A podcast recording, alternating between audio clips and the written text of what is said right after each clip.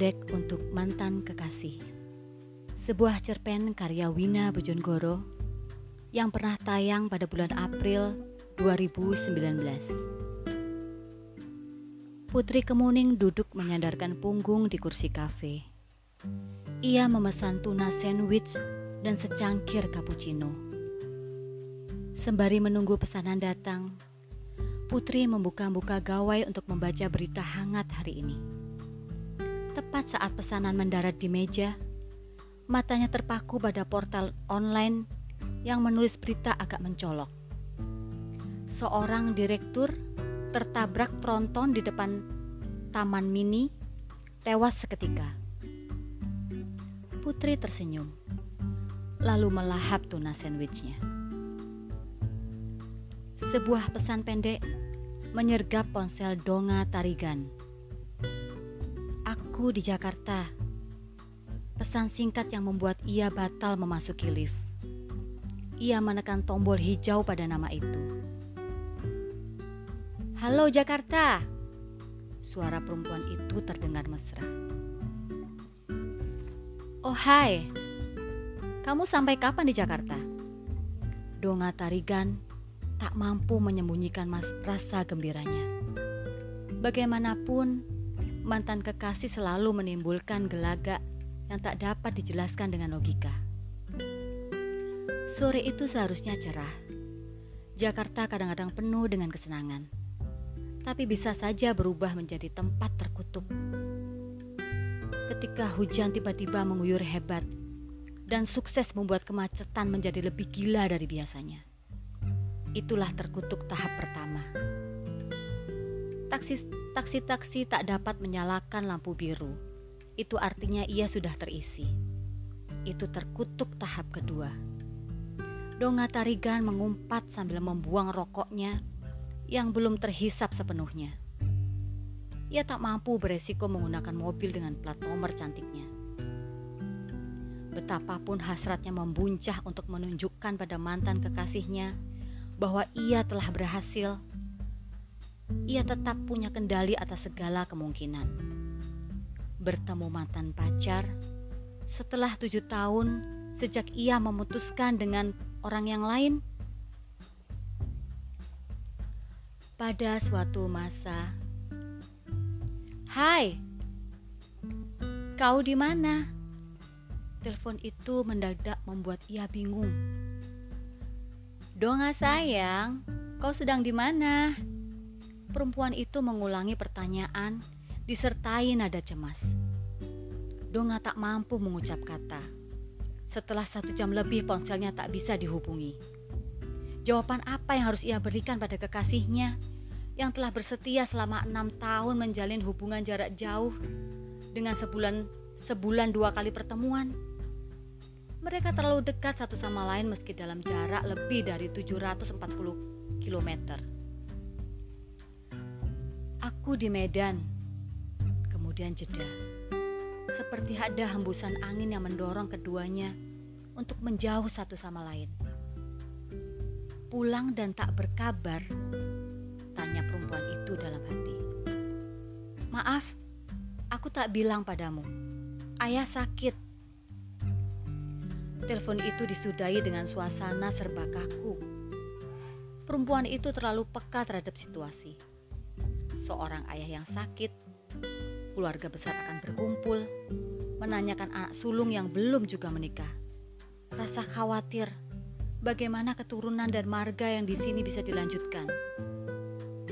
Itu biasa, sangat klise. Perempuan itu mengerti apa yang harus dilakukan. Donga sudah 37 tahun dan belum menikah. Ia paham kisah selanjutnya. Kenalkan, ini Dewinta. Suara donga ragu. Dewinta adalah sosok perempuan tanpa riasan. Bermata belok dengan dada tipis dan rambut bergelombang. Menurutnya, itu jenis yang kurang sepadan dengan masa depan lelakinya. Lelaki bertubuh sempurna dan pekerjaan yang menjanjikan. Seorang penyiar TV terkenal. Jadi, kapan kalian akan menikah? cerdas yang menohok dada Donga, yang bahkan mengucap perpisahan saja belum. Dewinta terbengong-bengong. Ia menatap kedua manusia itu dengan pikiran kacau. Kekasih Donga yang telah lama ia kenal namanya, tetapi baru kali ini dia berhadapan. Perempuan matang, profesional, seolah tak punya perasaan. Cantik, ya. Dewinta terguncang cemburu. Kemudian ditatapnya mata Donga Tarigan yang sangat berbeda. Ketika perempuan itu belum tiba, mata Donga tampak biasa saja. Kini, mata itu bergairah dan berbinar-binar. Juga cara bicaranya menjadi berapi-api. Dewinta menyingkir, berdalih ke toilet. Aku berharap anak kalian perempuan semua. Boleh kan seorang mantan kekasih berdoa paling buruk untuk kekasihnya yang menikah demi keturunan? Perempuan itu melintas stasiun Gambir dengan perasaan mendung. Ingin menangis, tapi terlalu malu pada diri sendiri. Ia menaiki bis jurusan Bandara Soekarno-Hatta dan duduk tenang. Membuka lembaran beberapa tahun silam. Bandung sedang dilanda hujan deras ketika ia tertinggal kereta Turangga. Ia duduk putus asa di atas bangku panjang sembari mengunyah permen karet seseorang duduk di sebelahnya. Lelaki yang tampak hendak ke Jakarta, ia, terlah, ia terlihat memegang tiket kereta Pahar, Parahyangan. Lama saling diam. Akhirnya lelaki itu membuka percakapan. Mau ke Jakarta juga? Tidak ke mana-mana? Kenapa ada di stasiun? Mungkin tersesat. Kamu? Mari tersesat bersama-sama. Bertukar kartu nama, mengobrol semalaman, dan tertidur di stasiun. Benar-benar sebuah awal perjumpaan yang menggoda di saat hujan sedang turun dengan deras. Saya harus memberi tiket Argo Willis pagi ini, kata perempuan itu setelah mengembalikan jaket pada pemiliknya. Saya boleh ikut?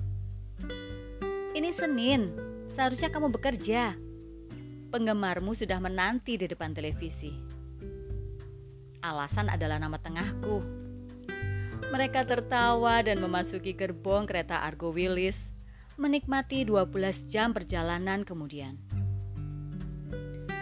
Usiamu berapa sih sebenarnya? Tanya laki-laki itu setelah kereta melaju kira-kira 4 jam. Yang jelas, aku lebih tua darimu dan kenapa kamu belum menikah juga? Kamu cantik, cerdas, berpenghasilan. Perempuan itu memikirkan kata-kata terbaik yang harus diberikan kepada orang yang baru. Yang cukup gila untuk mengubah tujuan dan menghanguskan tiket kereta untuk membuat segalanya mudah dan sederhana. Aku tak bisa menikah. Tak cukup ada laki-laki buat perempuan semenarik dirimu Masalahnya bukan itu. Lelaki itu menatap dengan intens, membuat ia jengah dan mendadak ingin tertawa. Oke, untuk apa aku menyembunyikan diri dari lelaki terkenal sepertimu? Aku perempuan di Indonesia yang tak akan pernah dinikahi oleh lelaki mana pun. Karena aku mandul. Bagaimana kau tahu? Sesuatu tumbuh di rahimku sudah diamputasi. Oh, cuma itu komentarmu? Ya, aku harus bilang apa? Ya, setidaknya tunjukkan wajahmu yang prihatin. Kau bukan dalam posisi yang layak dikasihani. Kau perempuan yang merdeka, sadar keadaan, dan tidak meminta belas kasihan. Dari situ segalanya bermula, hingga enam tahun kemudian Dewinta mengambil alih seluruhnya hari ini. Semula ia mengira tak akan terjadi apa-apa. Ia merelakan itu terjadi, sebab ia tahu apa yang akan terjadi pada hubungan mereka. Tetapi Berita bahwa Donga akan menjadi tokoh penting telah tersiar di mana-mana. Bahwa Donga ternyata hanya memiliki anak perempuan, itu juga ia tahu. Tapi sebuah hal sederhana kadang terjadi tanpa diduga sebesar apa efeknya. Dewinta mengirimkan pesan elektronik. Dia akan menjadi tokoh penting sebentar lagi. Menjaga jarak darinya adalah pilihan bijak buatmu sesuatu merekah dalam dada perempuan itu. Itu seperti bibit kanker yang berhasil merenggut cita-citanya untuk memiliki keturunan. Ia seperti dipecundangi dua kali. Pertama, ketika ia dengan sukarela menyerahkan laki-laki itu, dan sekarang ia memukul-mukul kepalanya sembari bertanya, "Apakah Dewinta sakit jiwa?" Selama ini, ia telah memilih diam dan menjauh. Penyakit apa gerangan yang menyabot otak Dewinta hingga ia menantang keberanian seorang mantan kekasih untuk mundur baik-baik? Mungkin ia perlu bantuan psikolog. Beberapa artikel, psikolog memang pernah menyebutkan beberapa level sakit jiwa. Bahkan mereka yang suka pamer kekayaan di media sosial pun dikategorikan sakit jiwa. Donga Tarigan mengetuk kamar 710 yang tak lama kemudian terbuka. Seraut wajah lama muncul dalam senyum yang paling indah. Tak ada kalimat terucap. Mereka hanya saling menatap. Duduk di sepanjang kursi di balik kaca, memandang keluar bersama. Obrolan kecil terjadi seputar rencana perusahaan di mana perempuan itu bekerja, perusahaan tempat Donga akan menjadi seorang direktur. Dengan begitu, Donga akan menjadi bosnya. Saat Donga ke toilet, perempuan itu membubuhkan beberapa tetes obat tidur cair ke dalam minuman kaleng Donga. Perbincangan singkat kemudian diakhiri oleh janji untuk bertemu makan siang esok harinya setelah eksekutif meeting. Perempuan itu mengantarnya hingga ke lantai dasar dan menyaksikan laki-laki itu pergi. Putri Kemuning menghabiskan tuna sandwich terakhirnya. Serasa seraya meraih ponsel yang baru saja mendecit. Sebuah pesan pendek. Morning ma'am, executive meeting jam 10. Di rut baru, Donga Tarigan akan memaparkan visi 2016. Itu sekretarisnya. Ia kembali ke kamar, membereskan riasan, dan menatap syal merah hati hadiah Donga Tarigan semalam. Ia bermaksud mengenakannya pagi ini agar Donga tahu betapa berharganya sebuah pemberian. Tapi ia tahu Donga tak mungkin datang. Putri Kemuning menutup berita online yang dibaca dari gawainya. Dan ia memesan karangan bunga duka cita. Selesai. Cerita pendek ini pernah diterbitkan di media Indonesia. Terima kasih. thank you